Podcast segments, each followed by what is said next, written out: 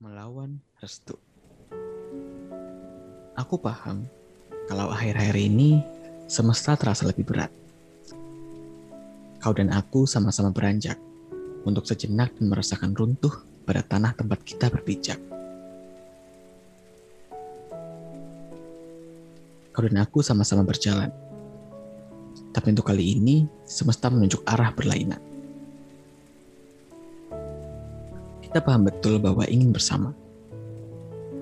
Tetapi semesta menginginkan kita mengubur mimpi dan memahami bahwa kita tidak akan pernah kembali.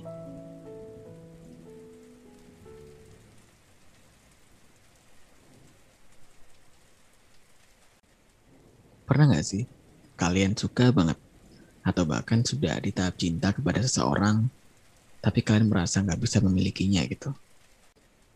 Aku yakin hampir semua dari kita pernah mengalami hal itu. Faktornya banyak sih. Bisa sesimpel karena si doi adalah teman kita yang kita nggak mau kehilangan. Atau karena emang dia nggak balas cinta kita. Atau bahkan karena kalian punya keyakinan atau agama yang berbeda. Apalagi kalau tiga alasan tadi ada di kalian semua. Kisah cinta beda agama. Aku rasa nggak banyak yang ngalamin karena banyak dari kita kayak udah punya tembok pembatas atau semacam filter gitu kali ya yang membatasi perasaan kita ke orang-orang yang beda agama sama kita.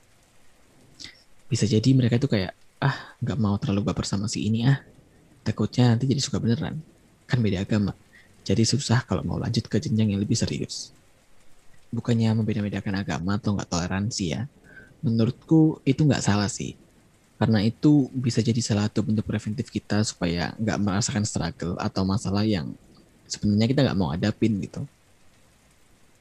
Buat yang sedang menjalin hubungan dengan yang seagama, itu baik untuk kalian. Kalian berhak bahagia dan memilikinya. Dan buat yang sedang cinta atau menjalin hubungan dengan yang berbeda agama, itu juga baik kok buat kalian. Kalian berhak bahagia dan memilikinya juga. Karena akan selalu ada permasalahan di setiap hubungan mau yang kecil atau besar, pasti ada. Tinggal bagaimana kita menyelesaikannya dan bagaimana hati kita menjawabnya. Masalah perasaan dan hati emang Tuhan yang atur. Dan kadang emang Tuhan ngasih perasaan yang gak sesuai dengan keinginan kita.